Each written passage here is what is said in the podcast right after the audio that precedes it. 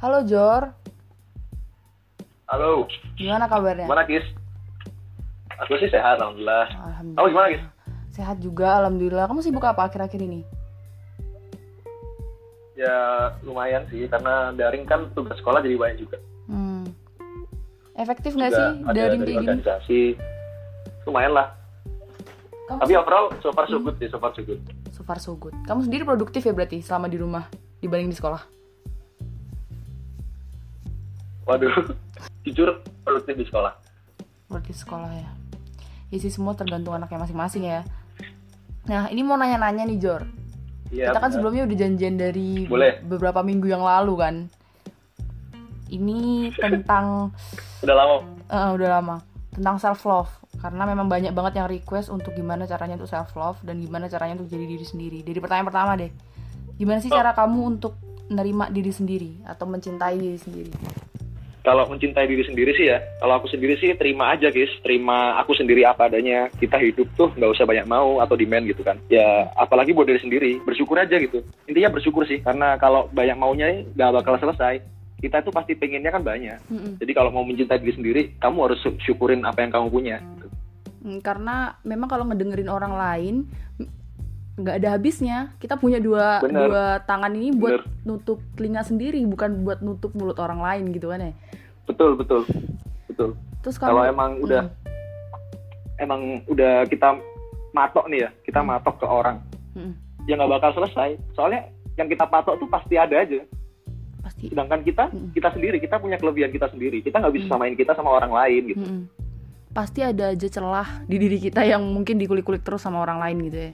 Bener bener Mm-mm.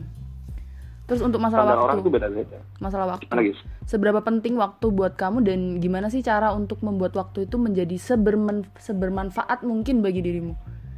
Karena kan sekarang Waktu eh, eh, problemnya kan sekarang nih ya tadi kayak aku bilang produktif mana sih Jor? Pas di sekolah Mhm. atau pas di rumah. Nah, itu kan berkaitan banget sama waktu. Untuk kamu sendiri waktu itu Ah. sepenting apa dan gimana cara ngaturnya? waktu ya kalau waktu pandemi gini emang waktu nih karena kita kan juga udah di ambang-ambang akhir ya guys ya Mm. kamu kamu tahu sendiri lah kita lagi repot-repotnya Mm-mm. waktu tuh penting banget guys karena waktu tuh nggak bakal balik lagi kan Mm-mm. jadi buat aku sendiri waktu itu harus dimanfaatin Mm. kayak misalnya gini nih kita invest jadi aku mikirnya waktu itu kayak investasi Mm-mm. Jadi kamu mau investasi ke mana buat waktumu ini? Kalau kamu investasinya ke halal buruk, ya udah kamu dapatnya halal buruk. Sama kayak kita investasi kayak misalnya investasi perusahaan yang lagi bobrok, ya ya kita bakal rugi nantinya. Jadi waktu ini kalau aku sendiri dimanfaatin atau diinvestasiin ke hal-hal yang berguna buat aku nanti. Gitu guys. Mm, Kalau aku kayak sendiri ya, kalau ibaratkan ya apa yang kita tanam itu yang kita tuai ya, timbal baliknya. bener, Hmm. bener. Kalau misalnya kita ngabisin waktu kita hal-hal yang nggak penting, ya meskipun aku sendiri banyak ya juga ya habisin waktu hal nggak penting, tapi menurutku itu juga refreshing atau self loveku sendiri. Ada saatnya, ada saatnya. Hal-hal nggak penting Pintar-pintar bagi hal-hal nggak penting bagimu tuh kayak gimana? Ya kayak misalnya buat aku sih hal-hal nggak penting kayak ya nyenangin diri sendiri itu menurutku juga sebenarnya buang-buang waktu sih. Cuman Hmm. ya pinter-pinter sih Kis, pinter-pinter naruh waktunya. Jadi kalau misalnya kita wak- emang lagi waktunya istirahat, ya istirahat. Kalau emang lagi waktunya ngegas, ya ngegas. Mut-mutan. Sebenarnya nggak ada sih hal nggak penting menurutku. Penting sih. Hmm. Karena memang kalau misal kita udah jenuh ya kita juga perlu kan refreshing itu juga sebenarnya buat Bener. manfaat bagi diri kita sendiri gitu loh. Benar, Seenggak penting nggak pentingnya itu Karena- ya kita bisa milih. Istirahat tuh penting. Mm, mm. Taking break itu penting. Mm, mm, Oke. Sekarang berkaitan dengan, dengan circle pertemanan nih. Seberapa pengaruh lingkup pertemanan terhadap kegiatan belajarmu? Seberapa pengaruh lingkup pertemanan ya? Mm, mm. Pengaruh banget kalau buat aku. Kalau buat aku sendiri pengaruh gimana banget. tuh? Soalnya kita kita sendiri tahu kita di lingkup yang seperti apa Hmm. dan kita tahu seberapa penting tutor sebaya itu. Penting banget Tutor belajar sebaya. bareng. Kalau daring gini emang kendalanya gila sih untuk orang kayak kita nih ya Hmm. yang lagi di asrama di mes Hmm. tiba-tiba jelek harus daring itu emang awalnya emang shock banget tapi lama-lama ya we get used to it kita lama-lama adaptasi kita lama-lama bisa cuman kalau buat pertanyaanmu seberapa penting lingkungan lingkup pertemananmu saat bela- ya penting banget menurutku penting banget. Terus itu kan hal yang positifnya kan. Maksudnya kamu bilang Iya. tadi tutor sebaya itu berarti paling positif banget. Tapi di sini kalau misalkan ada pertemanan yang toksik, kamu sendiri punya nggak pertemanan toksik dan kamu sendiri mempertahankan itu atau enggak Aku kalau pertemanan toksik pernah punya.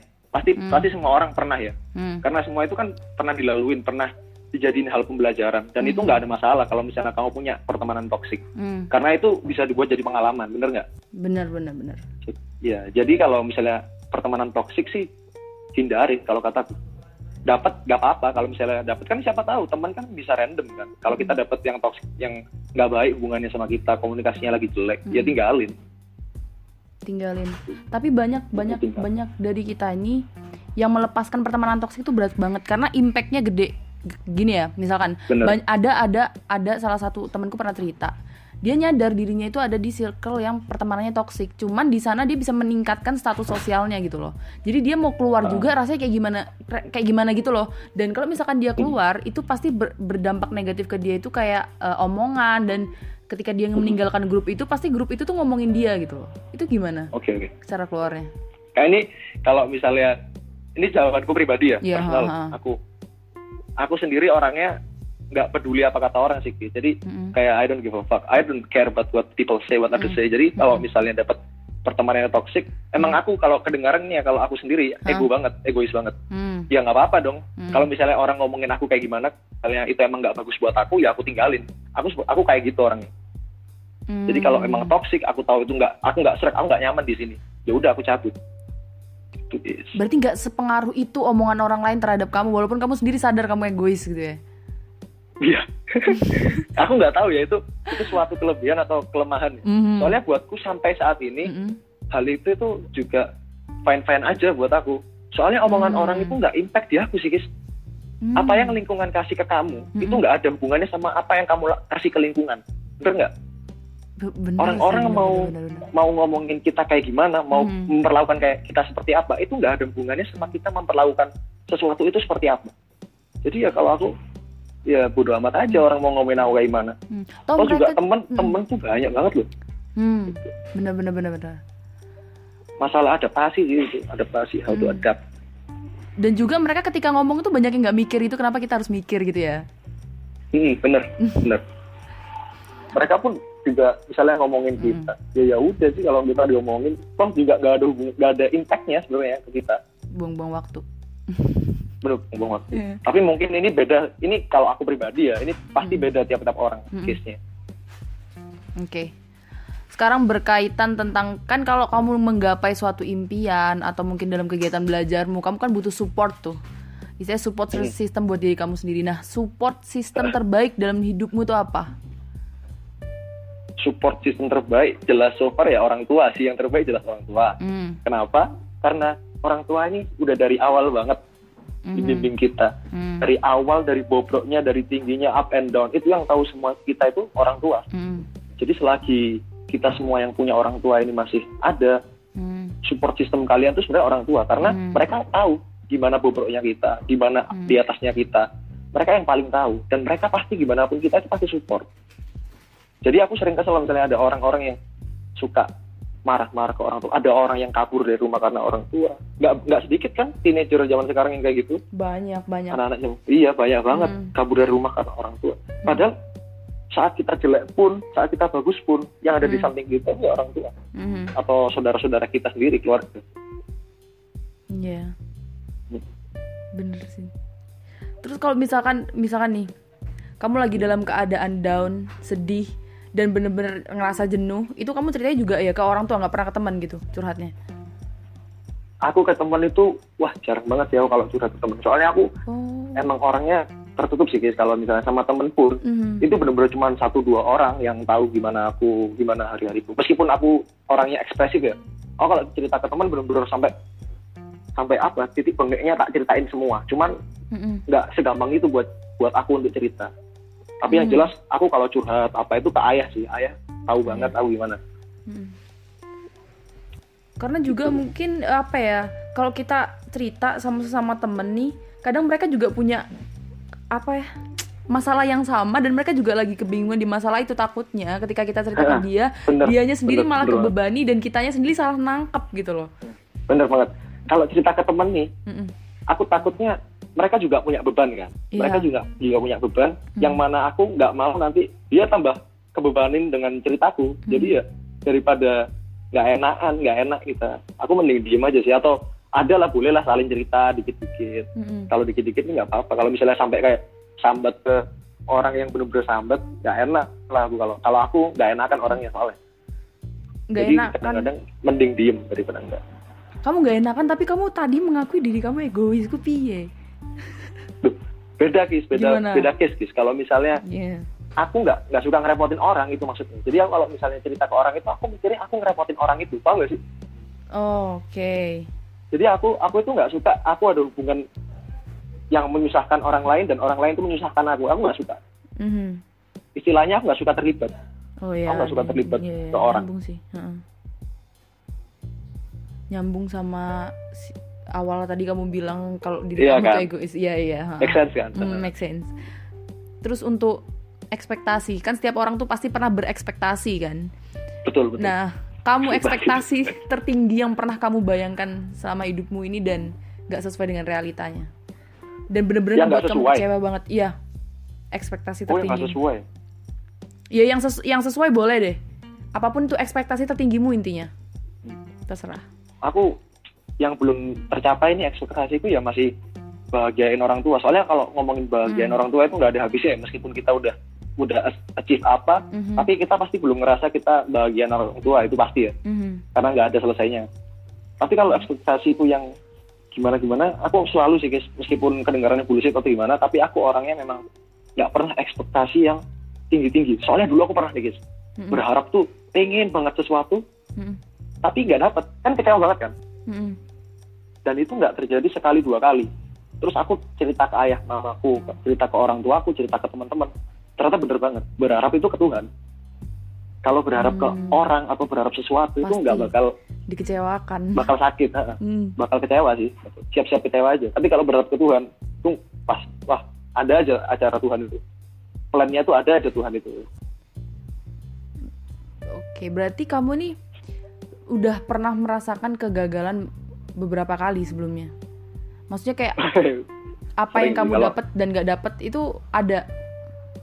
kalau aku sendiri ya Mm-mm. iyalah Kis. pasti semua orang juga sih kayak misalnya lagi pengen Hmm. ah nggak dapet pengen tapi nggak dapet jadi sampai jadi akhirnya sampai sekarang ini aku mikirnya ah ya udah expectnya ke worst case nya aja ke Hmm. plan terburuknya aja Karena gini-gini Jor, ini aku sambil sambil cerita ya, maksudnya sambil curhat juga. boleh boleh Jadi selama selama ini aku kan sering berekspektasi, sering apa ya istilahnya kayak "Ah, aku tuh harus dapat A, B, C, D gitu kan.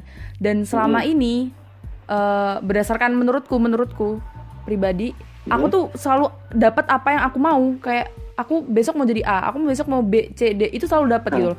Takutnya karena aku belum menemukan kegagalan dalam diriku tuh takutnya sekali gagal itu bakal ngebuat aku Nah, drop itu. banget. Nah, itu Kis. itu Itu, piye kayak gitu, sebenarnya aku gimana? aku ngomong ya Mm-mm. kalau misalnya aku itu sering gagal tapi juga sebenarnya aku sering dapat apa yang aku mau kan Mhm, tapi mhm. di saat di saat terus-terusan dapat apa yang kita mau itu jadi mikir gak sih sebenarnya Iya. wah kalau ke depan ini aku nggak dapet gimana ya Uh-uh. itu kan juga jadi beban itu Mm-mm. jadi beban kan itu Mm. makanya kenapa juga alasan aku nggak lagi expect nggak lagi berharap Tapi susah, ya karena aku melepaskan diri dari Iya, ekspektasi itu susah. Itu kayak sudah sudah apa ya melekat manusiawi sih emang kayak jin kodam kita ngerti gak sih? Kayak, Ah, su- bener, kayak manusiawi. tapi kamu kan juga pasti sering nggak keturutan hal-hal yang kamu mau kan guys bener nggak Kalau hal-hal simpel ya pasti pernah merasakan. Cuman kalau untuk impian Iya. ataupun segala sesuatu enggak, Jor, sejauh ini. oh iya Mm-mm. emang sih sama berarti so far untuk impian-impian besar emang selalu tercapai ya alhamdulillah Nah, heeh, nah itu alhamdulillah. tapi bebannya di situ kalau misalnya kita pasti kepikiran kalau misalnya nggak dapat gimana ya nggak dapat Hmm. gimana ya Hmm. makanya kalau kata aku ya kalau aku pribadi jangan jadiin beban sih guys ya udah biarin guys karena itu juga udah kehendak Tuhan mau dapat apa enggak itu selalu jadi yang terbaik buat kita kan gitu Lagi-lagi kita menyerahkan tahu diri, menyerahkan diri ke yang atas. ya benar Ya emang ngomong semudah itu, Jor. Iya, Realisasinya ngomong itu yang susah. bener Terus Bener. kamu kamu sendiri pernah nggak membandingkan diri kamu dengan orang lain? Dan kalau pernah kenapa? Sekali aja mungkin. Walaupun kamu kesannya nggak mau dengar pendapat, maksudnya kayak penilaian orang lain terhadap kamu ya. Heeh. tapi aku Mm. aku aku sendiri justru anehnya di situ guys aku mungkin Aneh. orangnya nggak pedulian sama apa kata orang Hmm. tapi aku selalu bandingin selalu bandingin Selalu bandingin. selalu sering banget aku itu down sering banget down sering banget mandi misal gini guys misal gini Mhm. misalnya kamu maju maju Hmm. ke suatu meskipun aku nggak pengen aku bandingin ya Mhm. tapi itu kan secara nggak langsung aku sendiri itu pasti langsung bandingin kamu misalnya ada lomba nih aku sama Hmm. kamu lomba Mhm. kamu yang maju duluan guys Mhm. kan langsung secara nggak langsung aku lihat kan wah aku harus lebih bagus daripada kamu nih itu kan secara nggak langsung kita bandingin udah Tapi kan bandinginnya maksudnya bukan bukan tipikal yang apa ya kayak wah dia lebih baik nih daripada gue gitu. Enggak, maksudnya kayak itu kan kamu buat sebagai acuan atau mungkin sebagai tolok ukur kamu kan buat maju ke depan. Cuman kan kalau untuk itu lebih ibaratnya ini lebih ke arah insecure-nya gitu loh.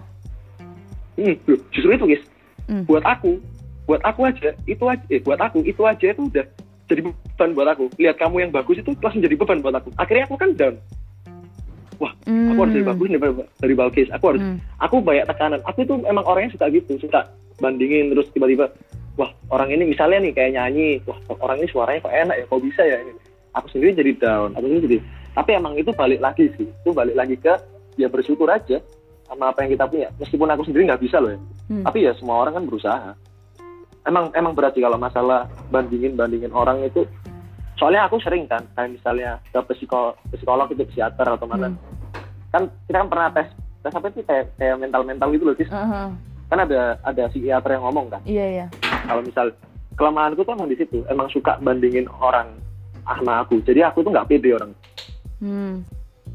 itu Kamu nggak pede orangnya? emang sih masih padahal masih aku ngeliat, sih, padahal aku ngelihatnya itu kayak pede banget loh orangnya. oh iya toh Iya. wah seneng banget sih aku dibilang kayak gitu. Soalnya emang aku dari dulu aku maju itu kan Hmm. kagoan orangnya aku kan kagoan.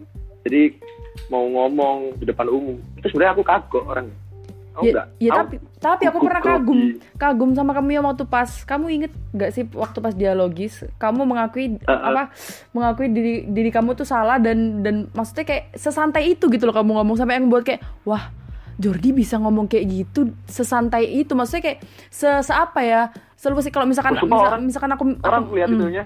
Kamu lihat itunya guys apa? Aku sampai sekarang itu Mm-mm. itu ya hal itu yang di dialogis itu yang aku salah itu. Mm, itu sampai sekarang aku masih kepikiran sumpah demi Allah sampai kamu bilang kayak gitu kepikiran?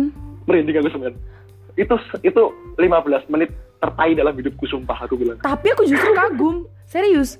Kamu bisa menghadapi itu gitu loh. Maksudnya kayak bahkan kalau misalkan aku sendiri di posisi kamu mungkin ketika aku sudah ngedak nge- apa ya di posisi struggle kayak gitu aku bakal bener-bener diem diem dan bener-bener nggak bisa ngomong lagi. Tapi kalau kamu nih masih aku, bisa aku menyela merinding sumpah. Aku merinding sekarang nih. Aku serius? Soalnya emang bener emang bener hal itu. Mm-mm, ngomong di depan itu yang waktu itu mm-mm. itu hal yang paling memalukan yang pernah aku lakuin sehidup seumur hidupku dan sampai sekarang aku kepikiran sampai kamu ngomong ini enggak loh aku aku agak plong sih orang bilang kayak gini sumpah soalnya aku selalu Mhm. ngerasa kurang dan sampai saat Waduh. ini aku tuh masih nyesel kenapa aku lakuin itu sumpah Ya Allah. dan dan aku nggak nyangka kalau kamu masih mikir sampai sekarang karena itu sesuatu yang justru aku- ngebuat aku kagum loh serius sumpah Nah, kan? Makanya aku, maghrib-maghrib. aku bikin Eh, podcast ini siap. akhirnya skill juga kan aku kayak gimana orangnya Iya. soalnya aku orangnya sebenarnya kayak gitu Hmm. aku sebenarnya beda dari apa yang mungkin orang lihat apa. Kan kita Iya, semua iya. punya diri kita masing-masing kan. Heeh. dan jarang-jarang nih aku bilang kayak gini memang. Tapi emang itu kenyataan. Sampai sekarang aku pun masih kepikiran tentang hal itu. Sego, aku masih inget kis. Hmm. sedetil-detilnya pengalamanku itu yang hari itu tuh aku masih inget kis. Kok Ya bisa? ampun, malah, malu banget sih malah itu aku. merasa down? Kok bisa? Masih padahal depan. padahal tuh apa ya? Itu klik eh, clickbait ya bahasanya. Gimana sih? Maksudnya nggak dinyangka-nyangka banget gitu loh Jor sesantai itu kamu bisa mengatasi itu dengan spontan. Dengan dengan bahasa yang istilahnya kalau aku di situ kan harus yang aduh mikir banget ini biasanya baku gimana gimana gimana. Kamu enggak gitu loh dengan stylemu dengan kamu ngeluarin karaktermu sendiri di situ tuh. Makanya itu menaikkan wibawamu. Makanya orang nih jujur ya Jor ya. Tapi ya orang nih kalau ngelihat kamu nih Hmm. aku pernah cerita ke kamu Bima Bima Bima aja pernah cerita ke Hmm. aku. Kis Jordi lagi apa? Jordi lagi nyemir aja aku mau lewat aja pakai misi. Padahal kalau misalkan ada orang lain yang lagi nyemir di bawah aku serondol serondol mah biasa Kis. Tapi kalau misalkan Jordi yang apa lagi kayak gitu tuh aku sungkan mau lewat tuh. Kayak kamu bisa membangun wibawa itu di dalam diri kamu gitu loh. Emang sih sebenarnya banyak orang yang nggak suka dipuji, cuman ya ini kenyataannya memang beneran aku pengen ngomongin gitu loh Jor. alhamdulillah sih ada orang bilang kayak gini. Soalnya selama ini Hmm. nggak pernah sih ada yang orang yang sampai segininya ngomong ke aku kayak gini tapi kalau misalnya Hmm. apa ngomongin si kayak Bima tadi Mm-mm. yang gimana gimana sebenarnya aku juga nggak ngapa-ngapain sih guys aku sendiri ya Justru just itu. being myself ya kan justru itu karena kamu diem aja, kamu nggak ngapa-ngapain, itu mungkin karena aura kali ya Iya kan? aura kali ya Aura, emang auranya gimana? Kis? Enggak maksudnya Hmm, setiap orang, aku lihatnya orang zaman sekarang nih ya, orang-orang anak muda kayak kita nih, mm-mm. yang masih 17 tahunan, 18 tahunan, atau jangankan kita, anak 13 tahunan, mereka udah ngimpi-ngimpin untuk jadi orang lain, guys. Mereka udah ngidolin seorang yang, wah, orang ini keren, aku pengen jadi kayak orang ini. Stylenya jadi kayak orang itu. Mhm. Akhirnya dia jadi bermanifest. Dia suka banget sama orang itu. Sampai akhirnya dia niru, niru apa. Kalau aku sih enggak, guys. Aku tuh jadi aku aja. Aku malah nggak suka aku niru orang. Dan aku nggak suka ditiru orang. Itu, itu aku ya sumpah ini aku baru nggak aku tahu suka niru ya. orang dan Hmm. aku nggak suka ditiru orang jadi aku mau aku itu punya sesuatu yang beda. Aku selalu seperti itu. Jadi nggak mau yang biasa-biasa aja. Memang Wow. dari emang dari kecil sih itu emang doktrin dari kecil sih sumpah. Dan berarti kan sampai sekarang kecil, kamu nggak punya idola dong? Idola sih. Maksudnya bu- bukan bukan idola yang dalam iya, hiburan ya maksudnya iya kayak ya, patokan. Mm-mm. apa ini nggak punya seseorang yang tak jadi panutanku ya misal ya kalau kalau kayak anak kecil Nabi Muhammad ini Oh, aku it- sih nggak, ya, ya biasa itu aja, itu mah aku jadi retoris tuh nggak perlu ditanyain itu setiap umat harus wajib itu maksudnya orang. kayak Eh, kan ya kan eh, eh. Tapi kalau misalnya pribadi aku sendiri, aku Hmm. nggak ada. Jujur aku nggak ada suka sama orang karakter orang yang sampai segitunya sampai akhirnya aku pengen jadi orang itu. Aku nggak ada. wow Aku ya jadi kayak sekarang. dari omonganmu ini gini Jor aku kan pengen Gimana? banget nih gini karena aku udah habis dapat kata-kata habis ngelihat salah satu Hmm. aku lupa aku baca di mana atau ngeliat sesuatu gitu dia bilang gini Gimana? banyak misalkan kita kedokteran eh, kuliah kedokteran atau kuliah hukum gitu banyak orang yang lulusan hukum Hah? lulusan kedokteran itu banyak banget ada ratusan jumlahnya tapi kalau yang namanya personal brand itu nggak banyak dan kamu punya karakter masing-masing di dan manusia itu beda-beda gitu personal brandnya Bener, makanya bener itu banget. wajib banget untuk membentuk personal brand nah dengan kata-katamu ini tadi itu kayak apa ya nambahin nambahin tips-tips untuk membentuk personal brand ke aku gitu loh ngerti gak sih karena aku lagi nyari Oh, iya, tipsnya ngebuat personal brand tuh gimana sih dan kata-katamu yang tadi untuk membuat diri Hmm. kita tuh nggak nggak usah buat patokan ke orang lain ya buat diri kita sendiri itu kan sama aja kayak personal brand kan personal brandmu Hmm. gitu nah itu yang aku pengenin Karakter tiap orang. Heeh. Emang dari kecil, aku tadi kan bilang ya, guys. Dari Hmm. kecil aku diajarin. Mm-mm. Kamu mau tau nggak aku dari kecil diajarin? Gimana gimana Aku dari kecil, meskipun ayahku bukan seorang psikolog, Mm-mm. Ayahku cuma dokter, mamaku juga dokter. Mm-mm. Mereka bukan bukan siapa-siapa yang tahu mengerti banget tentang anak, Mhm. tapi mereka kasih aku kebebasan.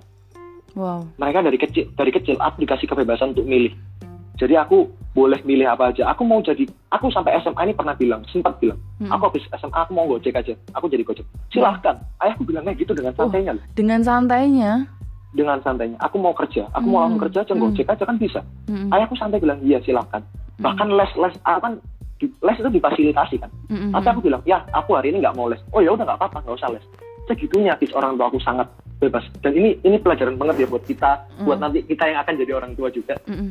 sumpah anak-anak itu emang harus kayaknya kayak kita seumuran kita apalagi ya itu Hmm. harus bisa dikasih kebebasan bener dan kita Hmm. dan anak-anak kayak kita tuh harus tahu tanggung jawabnya Mm-mm. soalnya nah sempat aku sampai bingung mau mulai dari mana ceritain Mm-mm. ayahku Oh. itu cerita Mm-mm. ayahku bilang kayak gini Mm-mm. Kamu terserah mau jadi apa aja. Asalkan kamu harus jadi yang terbaik Ju itu buat kamu sendiri. Jadi emang di mana aja. Mau di mana aja berlian ya tetap berlian. Mm. kamu mau di pasir mau di tanah lumpur berlian tetap berlian. Kamu Hmm. jangan takut gagal. Kamu mau daftar ini daftar itu daftar mana nggak keterima itu nggak apa-apa. Sejadinya apa pun kamu jadi yang terbaik. Sumpah itu sampai sekarang bikin aku merinding saya aku bilang itu. Wow. Gila banget ya emang. Mm. Emang makanya aku aku seneng kayak gini bisa sharing kan. Mm-mm. itu sebenarnya banyak banget ayahku tuh ngomong ayahku tuh nggak tahu orang orang kayak apa ya padahal orang biasa-biasa aja. Tapi sumpah buat aku ngena banget.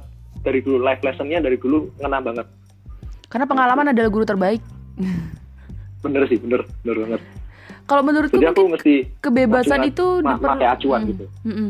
kebebasan itu diperlukan Gimana, buat kita para anak muda zaman sekarang ini karena apa? Semakin kita diberikan kebebasan itu semakin kayak wah kita dikasih tanggung jawab nih. Karena apa? Anak muda zaman sekarang itu kayak gampang banget tertantang ngerti gak sih Jor? Gampang banget tertantang Iya, sehingga bener. kalau misalkan dia jadi ke- dikasih kebebasan otomatis dia tertantang sama tanggung jawab dia. Akhirnya malah bagus gitu loh. Tapi kalau Bener. misalkan semakin dilanggar Bener, semakin dikekang semakin penasaran apalagi anak muda zaman sekarang ini penasarannya tinggi banget gitu loh. Iya kan? Iya bener. Mm-mm. bener banget bis kayak misalnya misalnya ngomongin kenakalan remaja zaman sekarang ya Mm-mm. itu sebenarnya ya kebebasan tiap orang masing-masing sih kalau misalnya Iya. soalnya prinsipku Hmm. sendiri ya kalau aku sendiri Hmm. nakal nakal itu mending pas muda aja soalnya kalau nakal tua itu ngerepotin orang lain orang Bener.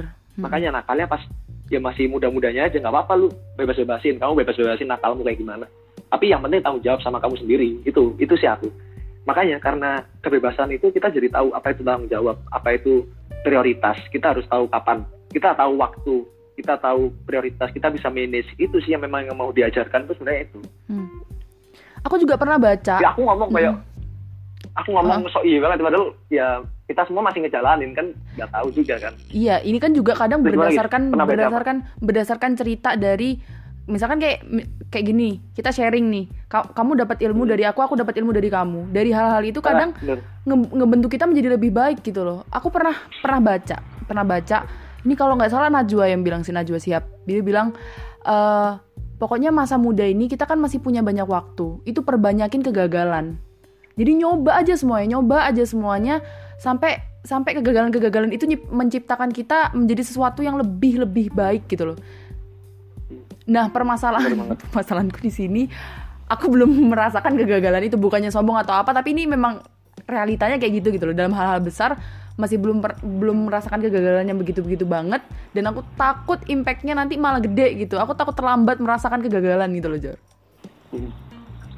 kalau menurutku Kis ya gagal itu gagal itu apa ya diartikan beda-beda sih tiap orang mungkin bagimu itu bukan gagal tapi bisa aja bagi orang lain itu gagal gitu loh Pak Oh. jadi kalau selama ini kamu belum merasakan kegagalan Mm-mm. berarti dayamu daya daya tahanmu bagus ya nggak apa-apa itu oke jalanin Oh. aja terus Sumpah kamu kalaupun kayak gini. itu gagal dan Mm. kamu nggak nggak ngerasa itu gagal ya nggak Hmm. apa-apa tapi kalau misalnya kamu sendiri belum merasakan gagal itu kayak gimana ya Hmm. nggak apa-apa Kis karena proses pendewasaan itu juga nggak nggak melulu karena gagal kok jadi kan banyak orang bilang kan jatuh Hmm. terus jatuh terus biar tahu bangkit rasanya gimana Hmm. nggak kayak gitu orang yang bangkit bangkit terus juga bisa bangkit terus kok jadi tenang Wow. aja sih kayak ya udah jalanin aja apa adanya kalau misalnya dikasih Tuhan nggak gagal ya udah jalanin aja gitu. Wow, iya bener sih. terus sih. Se- tadi waktu kita hidup nggak nggak Kita- banyak demand sumpah iya sih. nggak usah banyak demand Kita kan tadi rapat kan, Jor. Pas kamu Bener. keluar itu, pas kamu keluar tadi, Vika tuh ini ngebuat buat apa dia ngomong terus aku simpan kata-katanya. Dia bilang kayak gini. Allah itu apa? Istilahnya tidak apa ya? Allah itu tidak tidak memerlukan hasil dari kita gagal atau berhasil, tapi Allah itu hanya ingin melihat kita dalam hal berusahanya. Ngerti gak sih? Sejauh Wah, itu- apa kita dalam baru berusaha? kali aku denger sih aku juga baru aku baru pertama dengar terus aku pas dia ngomong kayak gitu aku tuh diem beberapa menit gitu loh kayak langsung masukin ke dalam hati ini kayak kayak jadi moto baru gitu loh Allah tidak meminta kamu berhasil atau kamu gagal tapi Allah hanya meminta kamu berusaha ikhtiar. Bagus gak sih? Ya, masuk juga ya? Hmm, bener-bener bener banget nih lesson juga sih pelajaran Mm-mm. juga.